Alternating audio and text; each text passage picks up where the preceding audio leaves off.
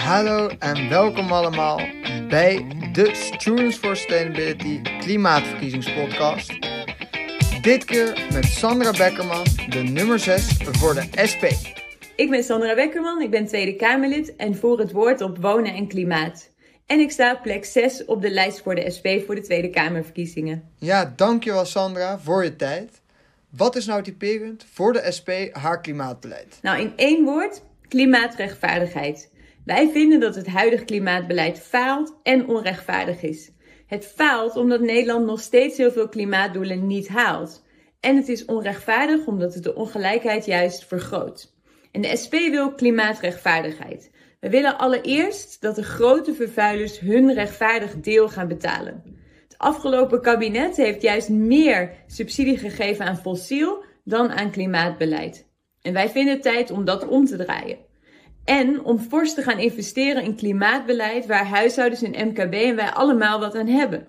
Bijvoorbeeld het snel verduurzamen en verbeteren van woningen. Zodat mensen een betere woning hebben en een lagere energierekening en we klimaatdoelen halen.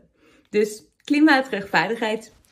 Zou de consument meer moeten betalen voor zijn uitstoot? En zo ja, op welke manier? Nou, op dit moment betalen huishoudens en MKB juist al heel erg veel voor hun uitstoot, terwijl grote vervuilers veel te weinig betalen. Wist je bijvoorbeeld dat Shell 75 keer minder betaalt voor zijn uitstoot dan een, bijvoorbeeld een fietsenfabriek of een kleinere machinefabriek? En dat is absurd. En wij vinden dat de echte vervuilers moeten gaan betalen. En wanneer je huishoudens belast, dan moet dat rechtvaardig zijn. Dus bijvoorbeeld een belasting op vliegtickets kan wel wat ons betreft, maar zorg dan dat je vooral de veelvliegers pakt. Want een heel klein groepje vliegers is verantwoordelijk voor een heel groot deel van de vluchten. Met een veelvliegersbelasting pak je echt de grotere vervuilers aan uh, en zorg je dat we uitstoot terugdringen. En bijvoorbeeld bij de energierekening zie je nu dat grote vervuilers soms helemaal niks betalen en veel minder. En dat huishoudens en MKB juist heel erg veel betalen. En de SP wil dat rechtvaardiger maken.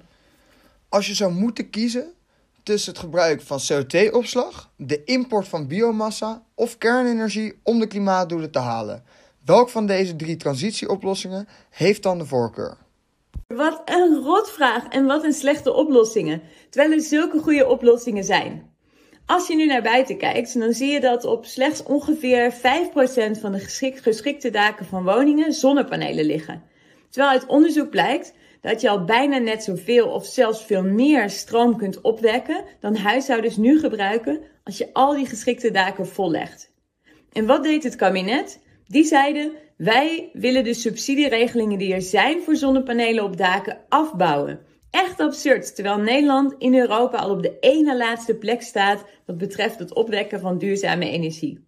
Dus de SP zegt: laten we zo snel mogelijk al die geschikte daken van woningen volleggen met zonnepanelen. En wij willen daar collectieve, publieke zonnepanelen van maken. Op die manier zorgen we er direct voor dat we veel meer duurzame energie opwekken en klimaatdoelen halen, dat huishoudens een lagere energierekening krijgen en we creëren er banen mee en we zorgen dat huishoudens zeggenschap hebben over energie. Dus nee, ik kies niet voor jullie slechte oplossingen. Ik kies voor die gigantische kans die we hebben namelijk zonnepanelen op alle geschikte daken van woningen. En dan de volgersvraag. De SP is natuurlijk relatief eurosceptisch. Hoe zorgt de SP dat ook andere landen verduurzamen?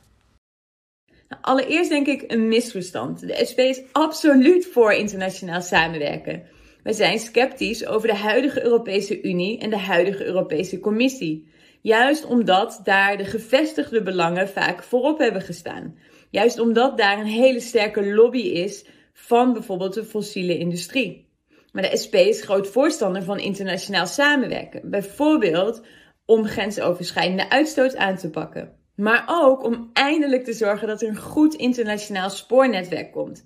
Want het is toch absurd dat je in 2021 vaak geen goed alternatief voor het auto of vliegtuig hebt.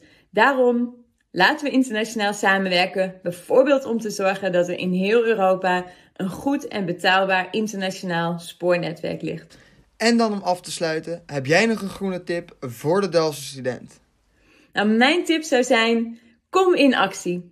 14 maart is er een grote klimaatactie. En coronaproef gaan heel veel mensen dan de straat op om te laten zien hoe belangrijk ze het vinden dat er eindelijk goed klimaatbeleid komt. En ik zou zeggen, doe mee.